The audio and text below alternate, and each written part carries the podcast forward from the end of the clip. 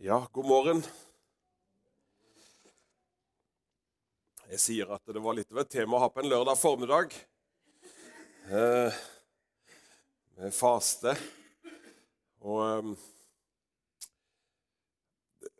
Dette med både bønn og, og, ikke minst faste er vel noe som eh, Ja, det, det, er et tema som eh, som er Hva skal jeg si eh, vanskelig, eller det er utfordrende eh, på mange vis. Eh, fordi at det har blitt en mindre og mindre del av, av normal kristendom. For å kunne bruke det uttrykket der. Og ofte når man da, og det prøver jeg så godt jeg kan og, ønsker fordi at fordømmelse det fører oss ingen vei.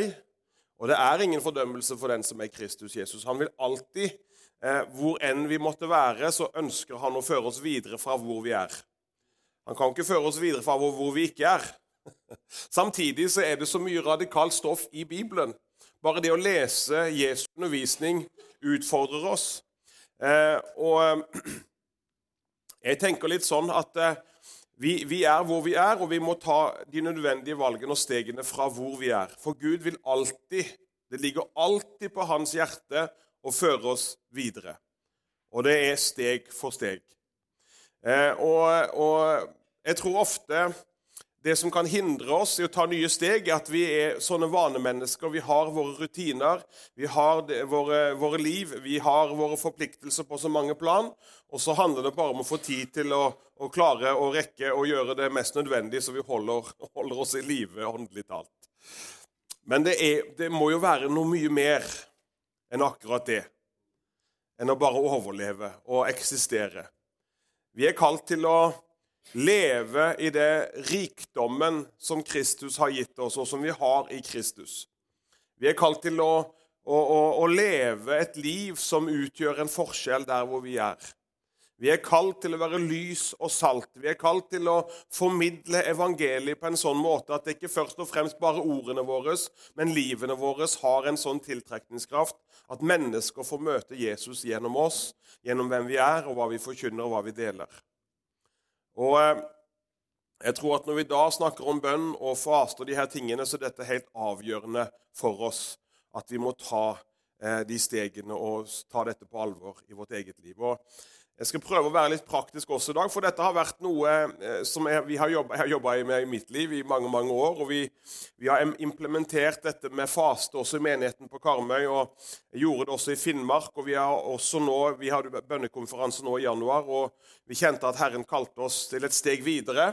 Spesielt i forhold til det som har med faste eh, å gjøre. Og Så er jo da spørsmålet hvorfor faster vi mindre? Hvorfor er det blitt mindre av det? Kan det være at eh, vi har det for godt? At vi, vi, vi eh, Norge vi, Du sa det jo så fint i går også. Det er jo veldig treffende. Vi har det jo utrolig godt i Norge. Vi er, er på så mange vis, men samtidig som vi ser at Norge er så velsigna på alle plan, så, så er nøden den blir større og større. Jeg jobber jo, er jo sykepleier og har fullført også en videreutdannelse i psykiatri og, og ruslidelser. Og, og, og, statistikkene går ikke den rette veien i forhold til hvis man skal tro at materialismen er, skal være lykke og velstand. Så ser vi at eh, statistikken viser at det blir mer og mer psykiske lidelser. Det blir mer og mer mennesker som har det vondt og vanskelig i vårt vel, velfungerende samfunn. Så behovet for eh, menigheter og kristne som er frimodige på sin tro, den er større enn aldri før. Og folk egentlig lengter etter å kunne eh, Folk er mer åpne enn vi kanskje tror. ja, og Vi tror jo at folk ikke vil ha noe med Jesus å gjøre, men det kan jo hende at, eh, at når de får, får, får, det fra mennesker som lever livet At ikke det bare er en teori, men det er et levd liv. Det er noe som stråler igjennom, noe som skinner igjennom, som er ekte og som er genuint fra dypet av våre hjerter. Så vil det treffe, så vil det berøre. Så vil det vekke noe i mennesker som allerede ligger der, nemlig evighetslengsten. Den er nedlagt i hvert enkelt menneske. Jeg ønsker egentlig bare nå å begynne eh, før vi går inn litt mer praktisk på faste. og jeg, jeg, har jo begynt på torsdag å snakke om Jesu bønneliv. Og Jeg ønsker også i dag å se litt på hva, hva Jesus underviste om faste. Eh, men vi skal gå til eh, profeten Jesaja.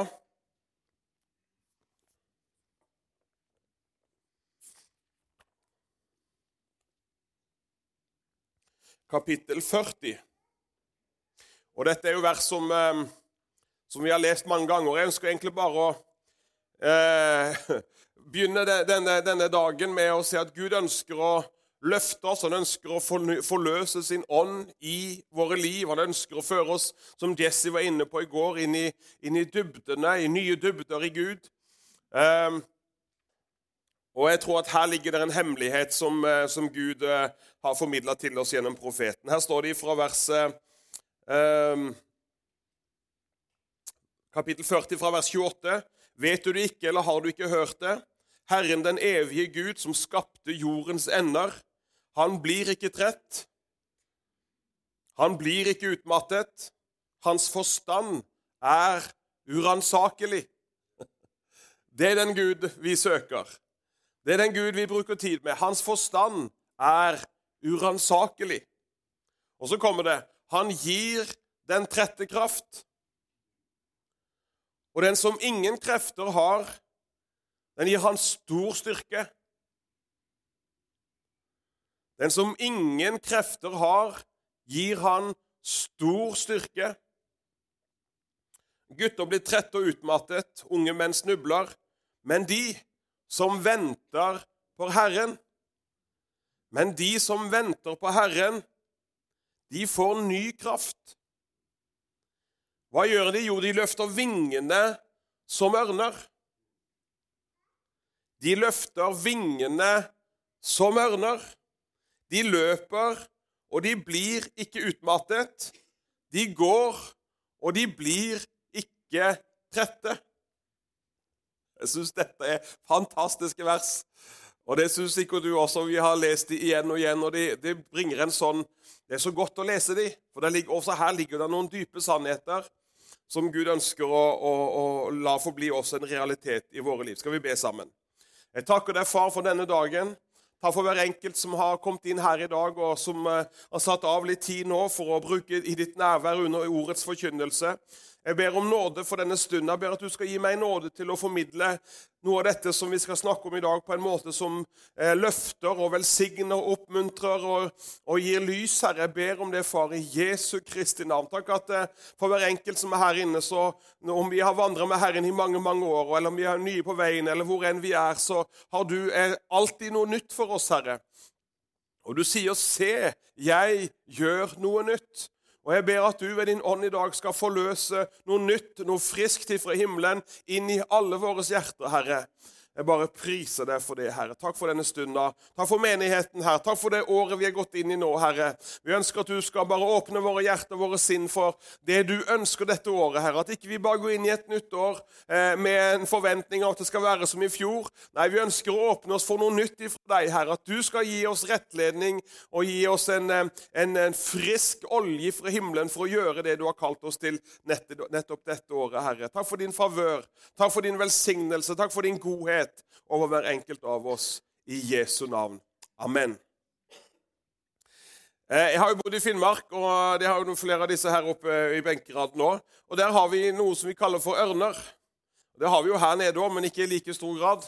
Når jeg bodde i Honningsvåg, så hadde jeg, eh, hadde en, kjøpte meg en fiskebåt. For jeg tenkte jeg måtte få tak, i, få tak med folket her. Som en søring å komme til Honningsvåg var ikke det letteste. Så jeg tenkte jeg kjøper meg en fiskebåt, så får jeg kontakt med litt folket på brygga der. Og Så kjøpte jeg meg en liten sjark, og så gikk jeg ned på kaien og så sa at nå har jeg kjøpt meg sjark, men jeg har ikke greie på båt, så nå må dere hjelpe meg. De syntes de var veldig festlige. Så da var, vi, da var vi i gang, og der fikk jo alle Alle hadde jo kallenavn, og den båten ble kalt for Pastorbåten. Eh, og, eh, det, var, det, var, det var, egentlig Jeg har venner der oppe på kaien enda, og det var, det var fantastisk. Eh, når jeg da var ute og fiska, eh, som regel bare for å få kokfisk, så vil si at vi hadde litt i fryseboksen og hadde til middag og til naboene våre litt sånn, så, eh, så hendte det at når du da sløya fisken på havet, så var det jo et mylder av mås, måker, måser rundt båten. Eh, og Det var ikke sjelden, men og, og, mange ganger kan jeg huske at plutselig så forsvant må, må, måkene. Da bare forsvant de. Og det som skjedde da, var at det kom en ørn. Eh, den kom bare sigende, den flaksa ikke. Så jeg skjønte at det er en stor måte forskjell på en kråke og en måse og en ørn. Og det ble veldig talende for meg.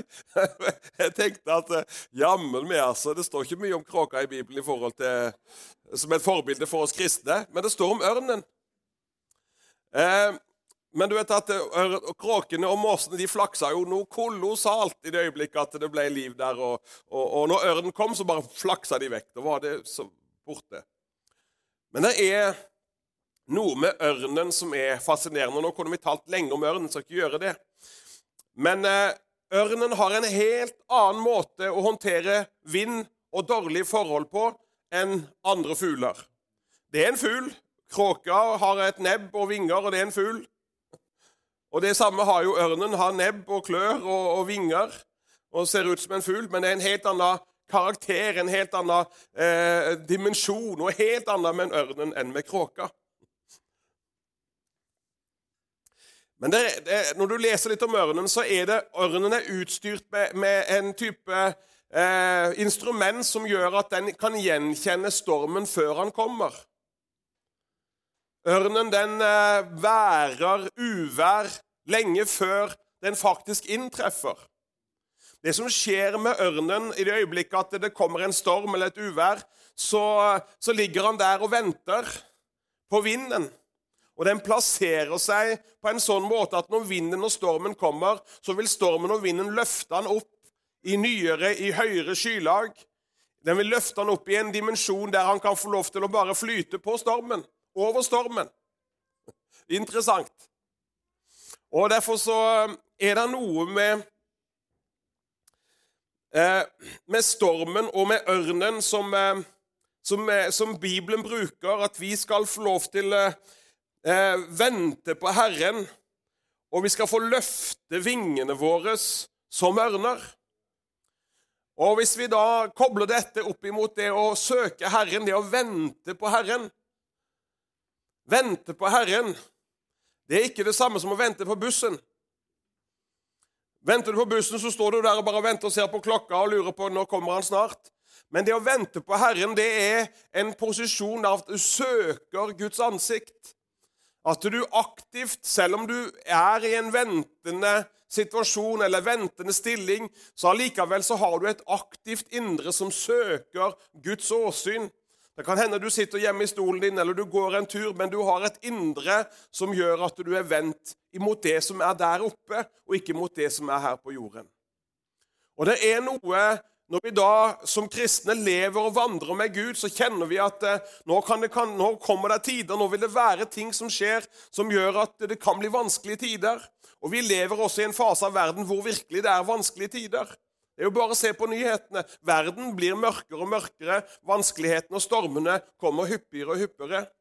Og Vi som Guds menighet vi er kalt til å ikke la oss kaste hit og dit av enhver stormvind, men vi er kalt til å være som ørner, som er klar over hva som skjer, og vi skal få løfte våre vinger og kunne få lov til å sveve og kjenne at uansett hvilken storm som kommer, så bærer Guds ånd og så bærer Guds vind oss over, og vi kan få lov til å håndtere de situasjonene som kommer.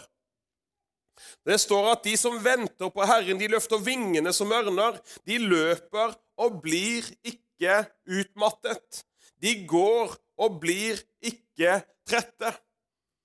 Og jeg tror at også i den tiden vi nå, så skal vi få gjøre mye for Herren og kjenne at Han gir oss den kraft som vi trenger for hver dag. Han gir oss den nødvendige styrke til alt det han har kalt oss til. Det som vil tappe oss for krefter, er å gjøre alt det vi ikke er kalt til. Så det er viktig for oss å kunne gjøre det som vi er kalt til å gjøre. Eh, derfor så tror jeg også mange har blitt utbrent. Mange har gått på en, på en, smell. Det kan være flere ting. For det første så kan det godt være at det er en mangel på ivaretakelse av det indre livet. Det At, man, at man, man er så pressa at man har neglisjert dette, nemlig dette personlige, nære forholdet til Jesus.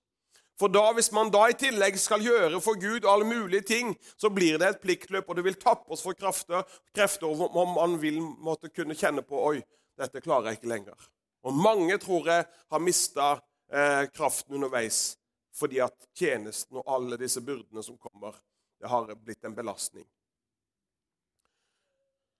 Dette med bønnelivet, dette med vårt indre liv, dette personlige som både vi snakket om på torsdag, og som Jesse var inne på i går, det er så avgjørende viktig for oss. de som venter på Herren. Jeg tror vi vil kunne, ved å bruke tid Og Jesus han brukte mye tid. Han brukte hele dagen, han brukte timevis. Han, han gikk avsides til øde steder. Han brukte hele natten i bønn. Og hvorfor måtte han som Guds sønn bruke så mye tid? Jo, fordi at han trengte å være der og søke Guds ansikt, Faderens ansikt, og, og få del i, i, hans veiledning i det som han skulle gjøre. Og Han sa jeg kan ikke gjøre noen ting. Jeg kan ikke si noen ting uten at jeg har fått det fra min far i himmelen. Og Jesus sier til disiplene, 'Uten meg kan dere ingenting gjøre'.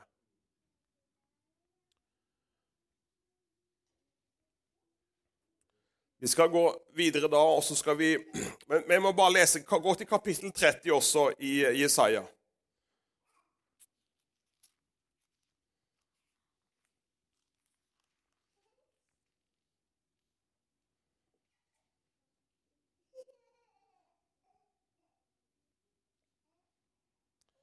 Og Vi leser fra vers 15. For så sier Herren, Herren Israels hellige, dersom dere vender om og holder dere i ro, så skal dere bli frelst. I stillhet og i tillit skal deres styrke være, men dere ville ikke. Men dere sa nei, på hester vil vi fly. Derfor skal dere flykte.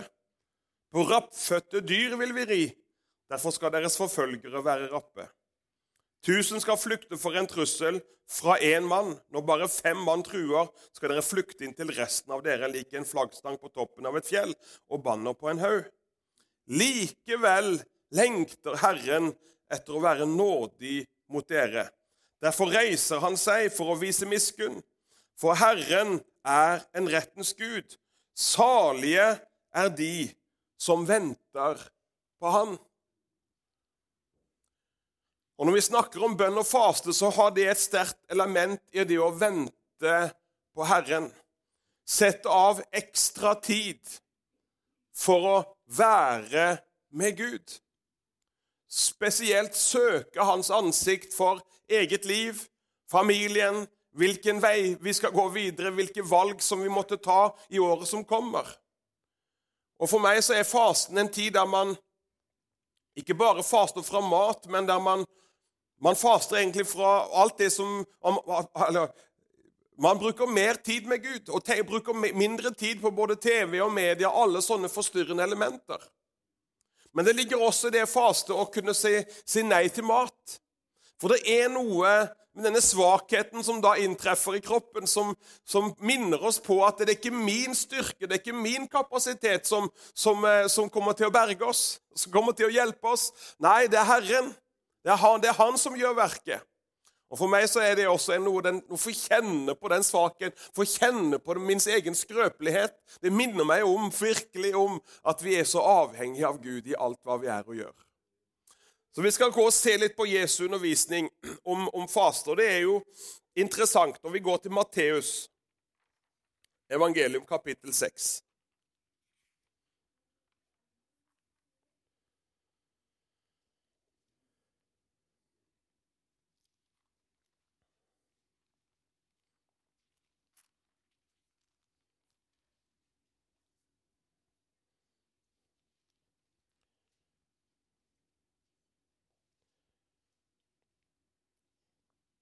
Her, her, tok vi også på, på, på, torsdag, når Jesus snakket om, om, at når vi ber, så skal vi ikke være som hyklerne. De vil gjerne stå i synagogene og på gatehjørnet og be, eh, fra vers 5.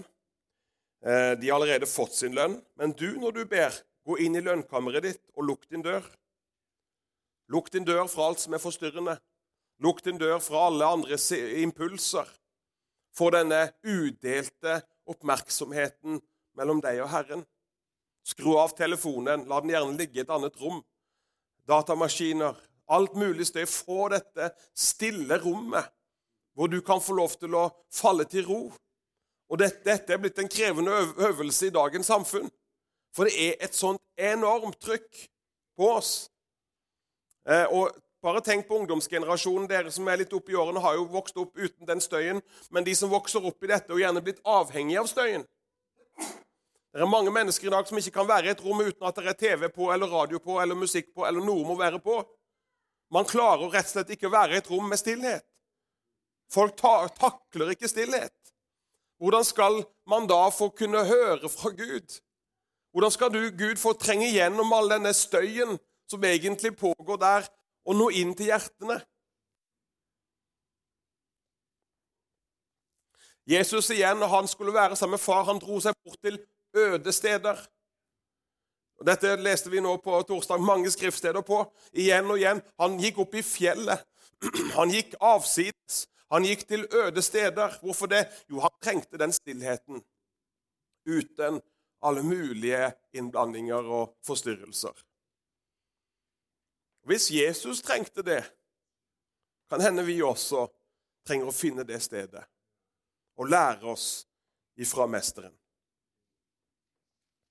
Og Så sier han at når du går inn i der, skal du be til din far som er lønndom, og din far som ser i det skjulte, skal lønne deg i det åpenbare. ikke det er nydelig vers? Hvilket løfte!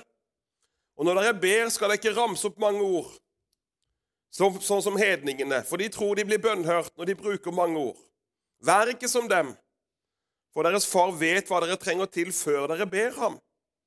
Og så kommer denne mønsterbønnen. Slik skal dere da be. Fader vår, du som er i himmelen. Helliget vorde ditt navn. Komme ditt rike. Skje din vilje, som i himmelen og så også på jorden.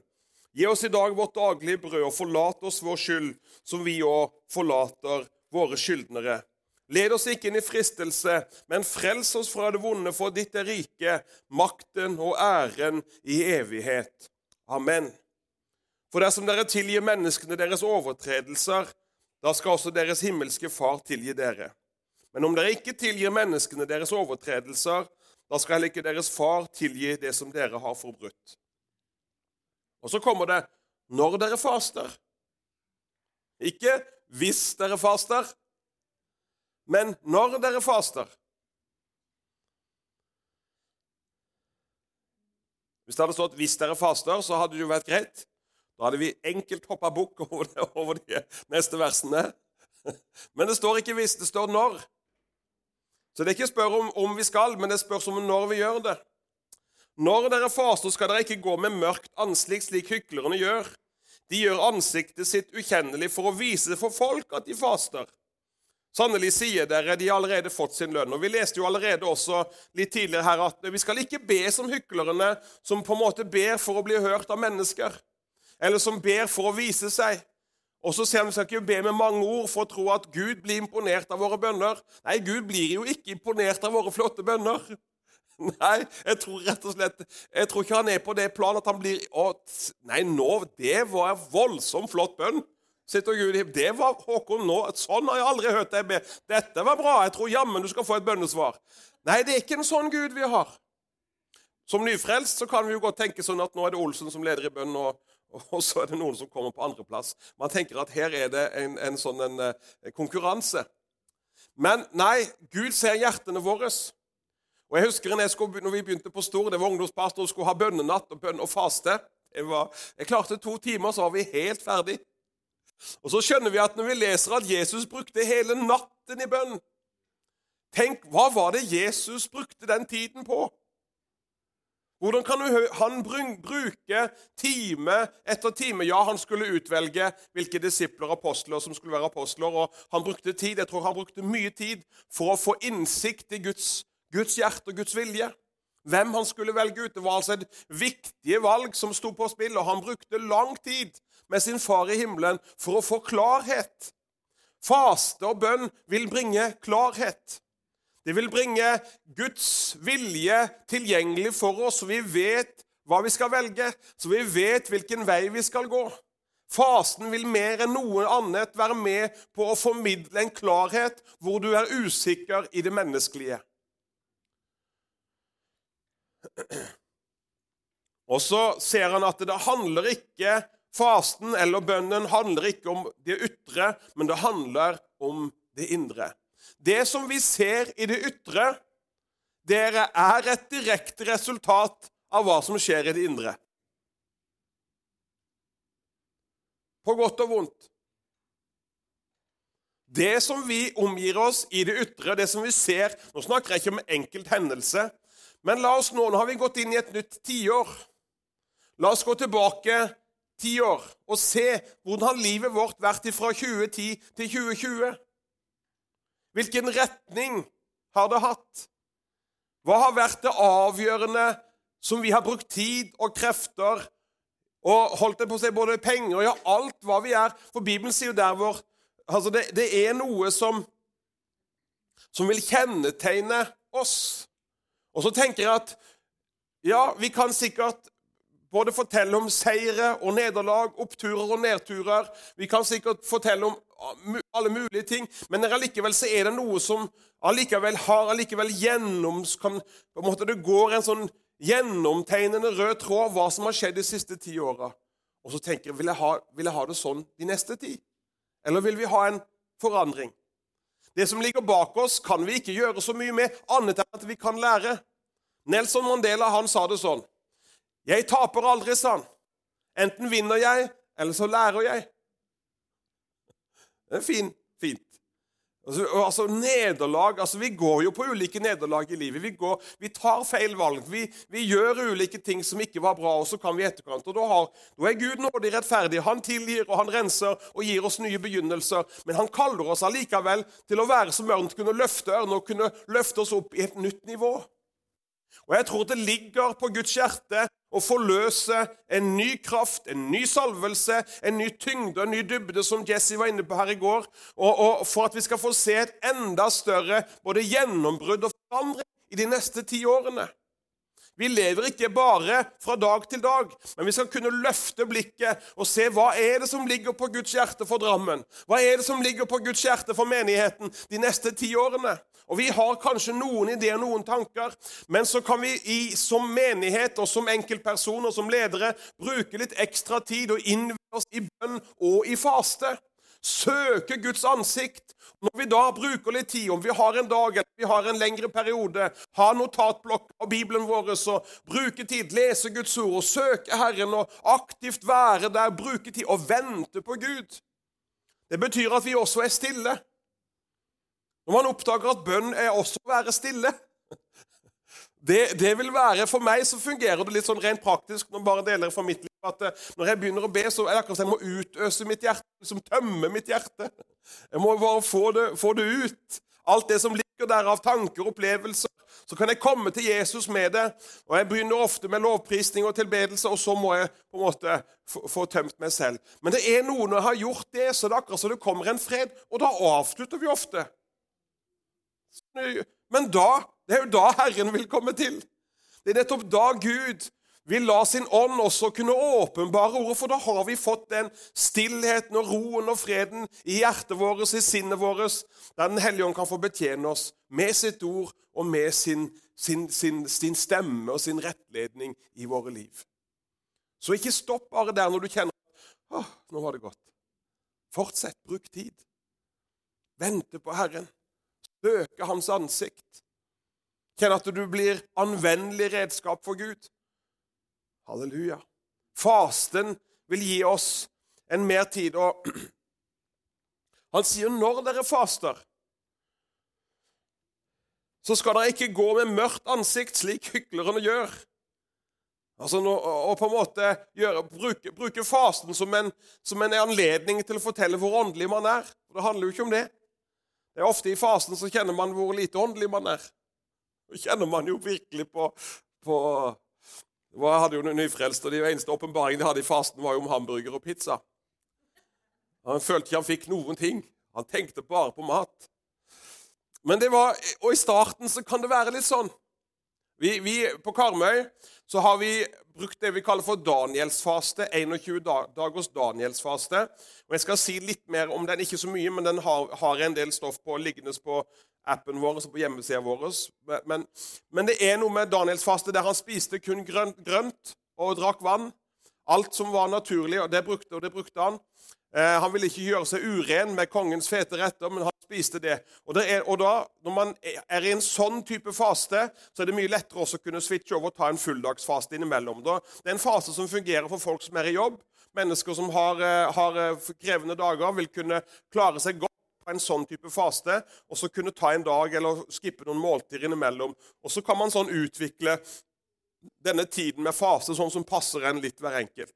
Men allikevel så har man en avgrensa, bestemt tids, tidsepoke der man bruker satt av til å søke Herren gjennom faste. Så sier han videre her, men du, når du faster,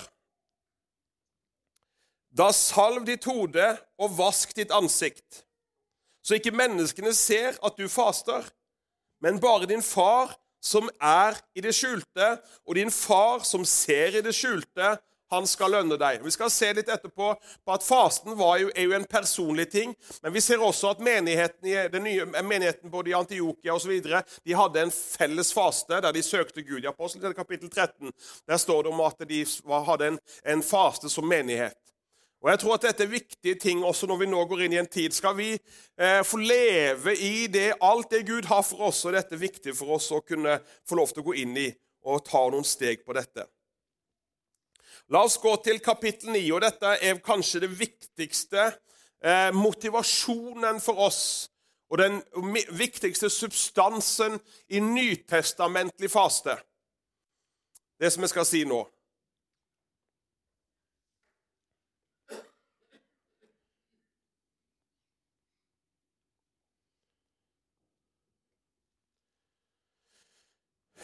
Kapittel 9 og fra vers 14.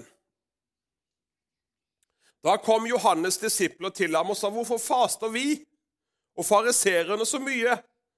Men disiplene dine, de faster ikke. ja. Vi skjønner at faste var en krevende, krevende øvelse på den tiden også. Jesus sa til dem, 'Kan vel brudesvennene sørge så lenge brudgommen er hos dem?' Men de dager skal komme da brudgommen blir tatt ifra dem, og da skal de faste. Og eh,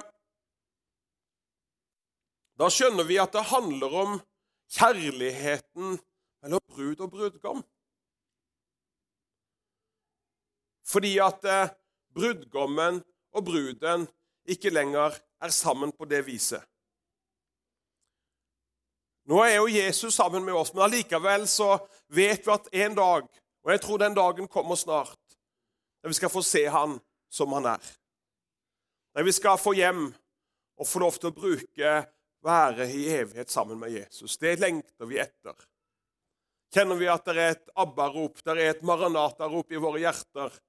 Det er, en, det er en lengsel. Hvorfor er det jo? Fordi vi elsker Jesus. Det er en kjærlighet, en dyp kjærlighet til Jesus i våre hjerter. Og for meg, så, Når vi snakker om faste, så vil fasten være nettopp en tid der man får lov til å dyrke spesielt kjærligheten til Jesus. Får lov til å kjenne at vi får bruke mer tid med Han til å sette av og, og kunne rett og slett bare elske Jesus, bruke tid med han, lese hans ord, kjenne at eh, relasjonen, hjerterelasjonen med Jesus den går dypere og dypere gjennom Guds ord og fellesskap og tilbedelse og lovsang. Vet Han får den nødvendige tiden i våre liv. Den tiden kommer når han skal tas bort ifra dem. Da skal de faste. Og jeg tror at Dette er kanskje det viktigste elementet i den nytestamentlige fasten. nettopp det At den motiveres av kjærligheten til Jesus. Og at når vi faster, så vil også denne kjærligheten fordi at vi elsker fordi han elsket oss først. Og det er noe med at han har utøst sin kjærlighet i våre hjerter.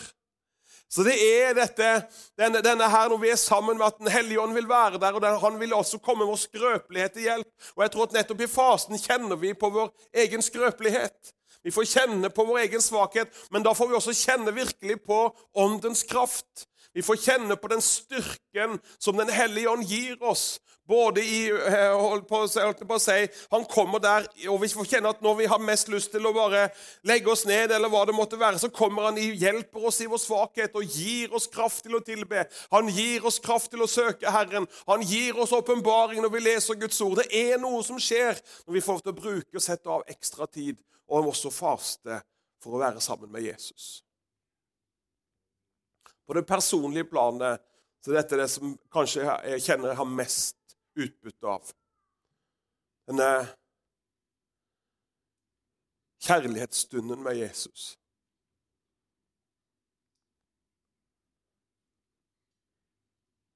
Når du kjenner høysangens toner begynner å spille i hjertet.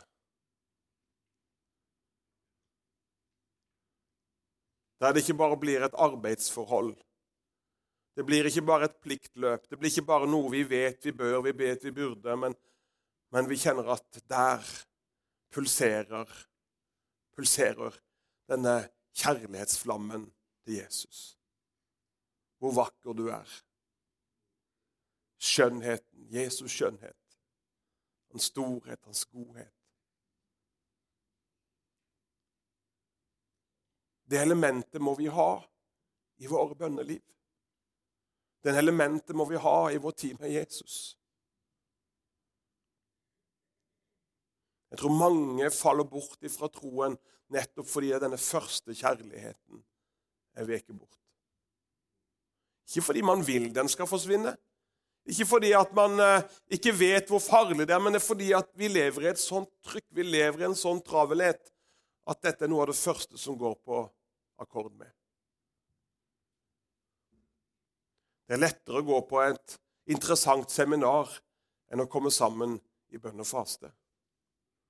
For det er noe som er attraktivt for intellektet. Det er noe som vi syns er interessant. Det er noe som metter oss på et menneskelig plan. Men dette metter oss på en plan som er vanskelig å definere, og det krever noe av oss, og det blir plutselig i andre rekke.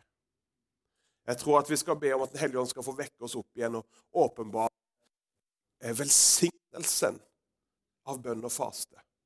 Velsignelsen av å søke Herren i den tiden vi nå lever. At vi tar vår egen tro på alvor. At vi tar vår eget liv med Jesus på alvor. Du vet at dårlig samvittighet Bare for å si et par ord om det. Noen som har kjent på det noen gang? Nei. Men eh, det, er, er, er, er, noe med samvittigheten. Jeg vil bare si det sånn at eh, vi, vi, har jo hørt mye at hvis du føler at, hvis du kjenner på en dårlig samvittighet at du leser for lite Guds ord, så har vi fått høre at eh, da, da, da skal du bare legge det vekk, for det, holdes videre og alt sånt. Jeg har, jeg har reflektert litt over dette. Men samvittigheten er et instrument som er, som er skapt oss av Gud. Den kan bli påvirka på veldig ulike vis. Og det er klart, En religiøs ånd vil alltid bringe deg i dårlig samvittighet. Så jeg, jeg er klar over den elementet. Derfor så må vi ha det klart at Jesus han, han kommer aldri med pekefingeren. Han kommer aldri 'du skal og du må og du bør', men han sier 'følg meg'. Det er en veldig stor forskjell på det. Samtidig så vet vi at Den hellige ånd vil alltid være der og åpenbare sannheten og realitetene for oss. Og hvis man ikke leser i Bibelen, så det er klart det vil ligge et kall ifra Gud til å lese Guds ord. Og det vil også ramme vår samvittighet, for samvittigheten er skapt av Gud. Så la oss ikke på en enkel, overfladisk måte bare fjerne det elementet og tro at nei, det er religiøsitet, det er bare loviskhet. Ja, det kan være lovisk, det kan, men i det øyeblikket at eh, vi er borte fra det elementære, det grunnleggende for det kan være mennesker som leser Bibelen og som er ærlige og oppriktige i sin vandring og virkelig søker Gud, og fremdeles kjenner på dårlig samvittighet. Da kan det være en, en, en, en religiøse krefter som prøver å trykke og bare legge på deg enda mer. Det må vi være klar over. Men hvis det er mennesker som lever i synd og i sløvhet, og holdt på å si, lever der i ytterkanten og i et overfladisk liv, så vil man også kunne kjenne på en dårlig samvittighet fordi at Den hellige ånd er der og kaller oss. Så samvittigheten er noe som er skapt oss av Gud. Og når du blir frelst og født på ny, så vil den også gjennomgå en forvandling der samvittigheten blir et instrument som Gud kan bruke. Ikke for å trykke oss ned, men for å minne oss på hva som er avgjørende viktig i den tiden som nå er. Så ved at vi ved en sunn forkynnelse, ved et sunt fellesskap, så vil vi kunne rettlede hverandre på en sånn måte at eh, ja, samvittigheten er gitt oss av Gud, og den vil også Gud bruke ved sin Hellige Ånd til å minne oss om hva, hva vi faktisk bør gjøre, hva som er viktig for oss.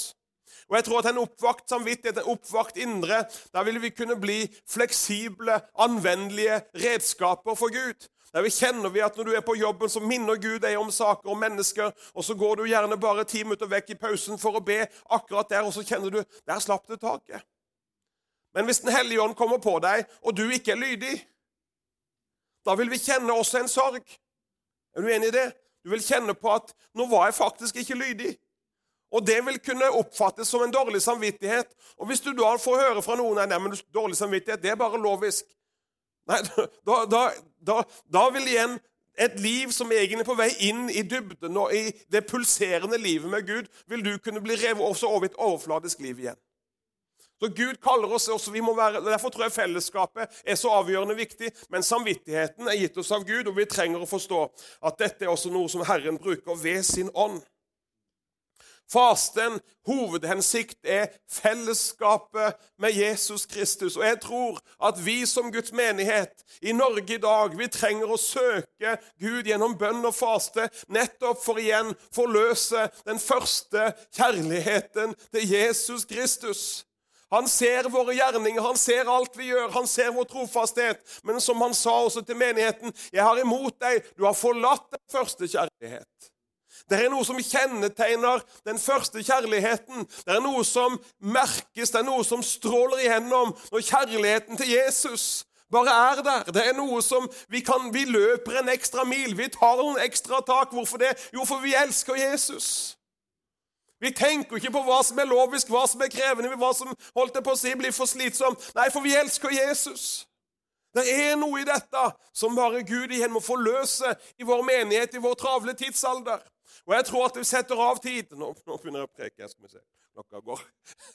Men jeg, jeg, prøver, og Derfor så ønsker jeg for min egen del, som pastor og som forkynner Hvis jeg skal fortsette, fortsette å gjøre det, så gjør jeg ikke det for jeg trenger en jobb, for det trenger jeg ikke. Jeg kan jobbe med rusmisbrukere resten av livet om så hva. Jeg må kjenne at det er drivkraften i mitt liv. Det er ikke en forpliktelse over verken kirkesamfunn eller en menighet. Det må være kjærligheten til Jesus som er drivkraften. Ja, der ligger et kall. Der ligger en utvelgelse fra Faderen, men allikevel, drivkraften er ikke først og fremst kall og utvelgelsen. Det er kjærligheten til Jesus. Det er den som motiverer meg til å stå på morgenen til å ta fram min bibel. Det er den som motiverer meg igjen til å kunne bøye mine knær og vende meg om fra meg selv og si nei til mat av og til. For å bruke mer tid for å få denne kjenne at det, det ligger noen hemmeligheter i fasten som Gud bare ligger der om vi er villige. Han prøver oss innimellom nettopp og tester oss på dette.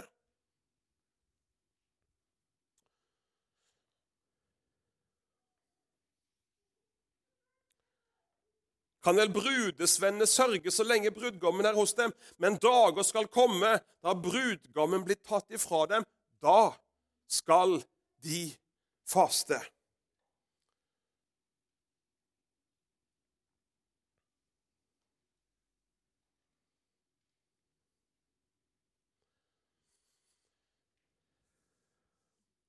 Man faster ikke for å fortjene noe. Man faster ikke for å få en ekstra stjerne hos Gud eller bli en bedre kristen. Så alle sånne motivasjoner det vil forsvinne ganske fort i fasten. Men jeg tror det er det er noe, altså vi, Gud har skapt hele kroppen vår. Så vi er enige i det. Han har skapt oss som mennesker. Han har skapt smilebånd, han har skapt eh, lystfølelser, han har skapt alle, alt hva vi er. Han har også skapt dette behovet for mat.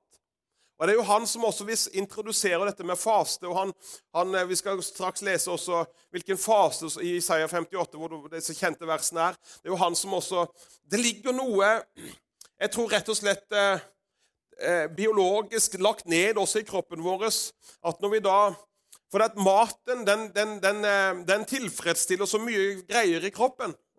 Så mye punkter i hjernen. Eh, her er jo et, et studie uten like. altså.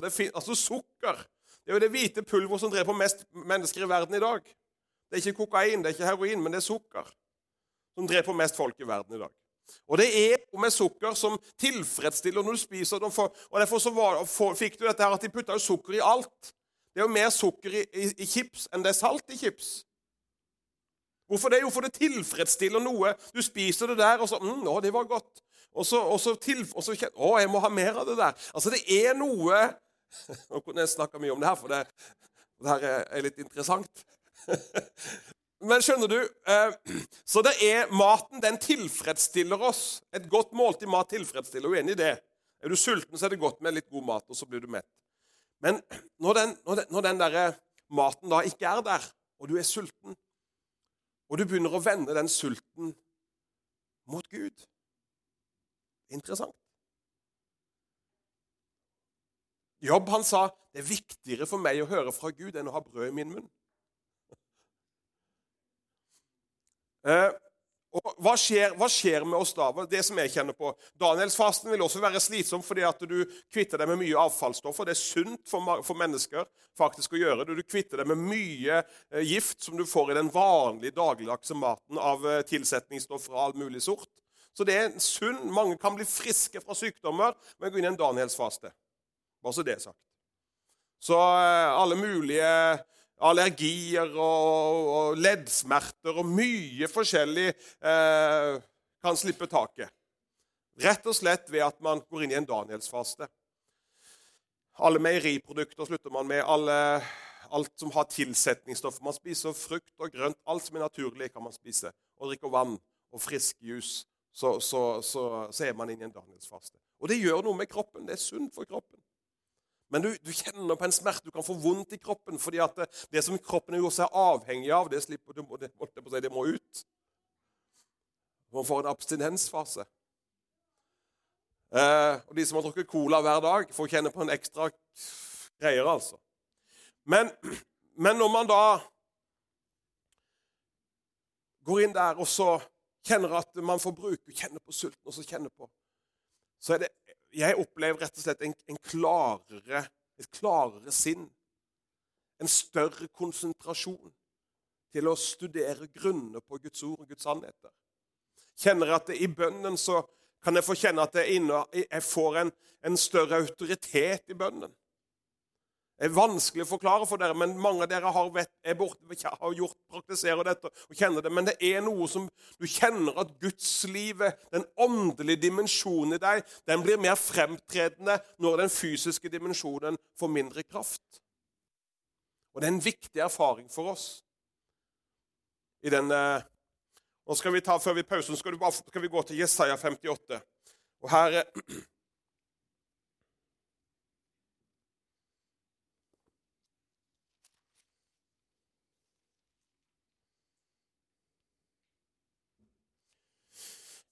Um, Israelsfolket fasta jo av veldig mange ulike grunner. De fasta når, når, det var krig. De fasta når de hadde ble holdt på å si, eh, overbevist om at de levde feil, og at de levde i synd, de levde i ugudelighet. Så kom Gud, og så begynte de å, å faste. Og de fasta i ulike sammenhenger eh, i, i, i, i, sitt liv. Men her ser vi den fasten som blir beskrevet her, som blir beskrevet som den rette fasten i kapittel 58 og fra vers 3. Hvorfor faster vi? Og du ser det ikke. Hvorfor plager vi vår sjel? Og du akter ikke på det. Se på den, dag. Se på den dagen dere faster, gjør dere som dere lyster, og utbytter, arbeids, utbytter arbeidsfolkene deres. Se, for å trette og strides faster dere, for å slå med ugudelighets neve. Dere faster ikke slik at deres røst kan bli hørt i de høye. Er dette den fasten jeg finner behag i, en dag når mennesket plager sin sjel? At en bøyer sitt hode som et siv og reder sin seng i sekk og aske, kaller du det en faste og en dag som behager Herren? Altså Med andre ord så ser vi at det er jo ikke at vi plager Altså, faste er jo ikke en sultestreik. Fasten, det som behager Herren, er jo ikke at vi plager vår sjel. Det er jo ikke det som er det som behager Herren. Men det, det som behager Herren, er jo nettopp overgivelsen, innvielsen, at vi er villige til å ofre noe for å være sammen med Gud. Det er, det, det er, selve motivasjonen, drivkraften i hva vi er og gjør, som er det som attraherer Guds åsyn. Og Da snakker vi om å gå ifra et overfladisk liv med Gud til å gå inn i noe dypere, for vi ønsker å bruke den nødvendige tid, så Gud kan formidle sitt hjerte til oss. Han kan få dele sine dype sannheter og hemmeligheter med oss. Og Så sier han i vers 6.: Er ikke dette den fasen vi finner behag i? At dere løser ugudelighetslenker? At dere sprenger åkets bånd? Slipper undertrykte fri og bryter hvert et åk. Er det ikke dette at dere bryter ditt brød til den som sulter, og lar hjemløse stakkare komme i hus? Når du ser en naken, at du da kler ham, og at du ikke drar deg bort fra dem som er av ditt eget kjøtt og blod. Så her har vi den fasten som og Jeg syns det er nydelig å lese, og jeg tror at det, han, han, setter det veldig på at han, han, han var så trøtt av det overfladiske, det religiøse handlingene som bare gjøres av vaner, av rutiner. Gud vil ha vårt hjerte. Han vil ha vårt hjertes oppmerksomhet. Han vil ha vårt hjertes kjærlighet. Jeg syns det er så nydelig også Jesaja 1. Han sier jeg er så trøtt av disse ofringene deres. Og Det var jo han som hadde gitt forordningen om alle disse ofringene også. Det var Gud som hadde gitt det. Så sier jeg er så trøtt av alle disse røykofre og matofrene deres. Og så sier han, 'Kom, la oss gå i rette med hverandre'. En nydelig, nydelig skriftsted som igjen beskriver hva Gud egen han vil ha vårt hjerte. Fasten handler om å uttømme oss ifra oss selv og kunne få fokus og kjenne at Jesus, det er du den som betyr noe. Jeg ønsker, å, jeg ønsker å ha tak i deg, Jesus. Jeg ønsker å ha tak i deg, Gud. Jeg ønsker å bruke tid med deg. Jeg ønsker at du som er veien, sannheten og livet, du som er det absolutt viktigste når vi tenker på dette, du som er det absolutt viktigste verdien i mitt liv, Jesus, du som er den viktigste personen, Jesus, så ønsker jeg å faktisk legge ned en del av mine privilegier for å bruke tid med deg. Halleluja. Nå er det på tide med litt mat, tror jeg. Takk, Jesus. Takk at du skal bare fortsette lede oss, Herre, og bare hjelpe oss hver enkelt. Jeg ønsker bare å be at du skal få bare, bare lage en liten spire i våre hjerter i forhold til dette. At du skal starte noe i noens liv. Og for noen som lever etter, skal det få bli bare en ekstra motivasjon og åpenbaring. At vi skal forsøke deg for vårt eget liv, men også for menigheten og tiden videre. I Jesu navn. Amen. Amen.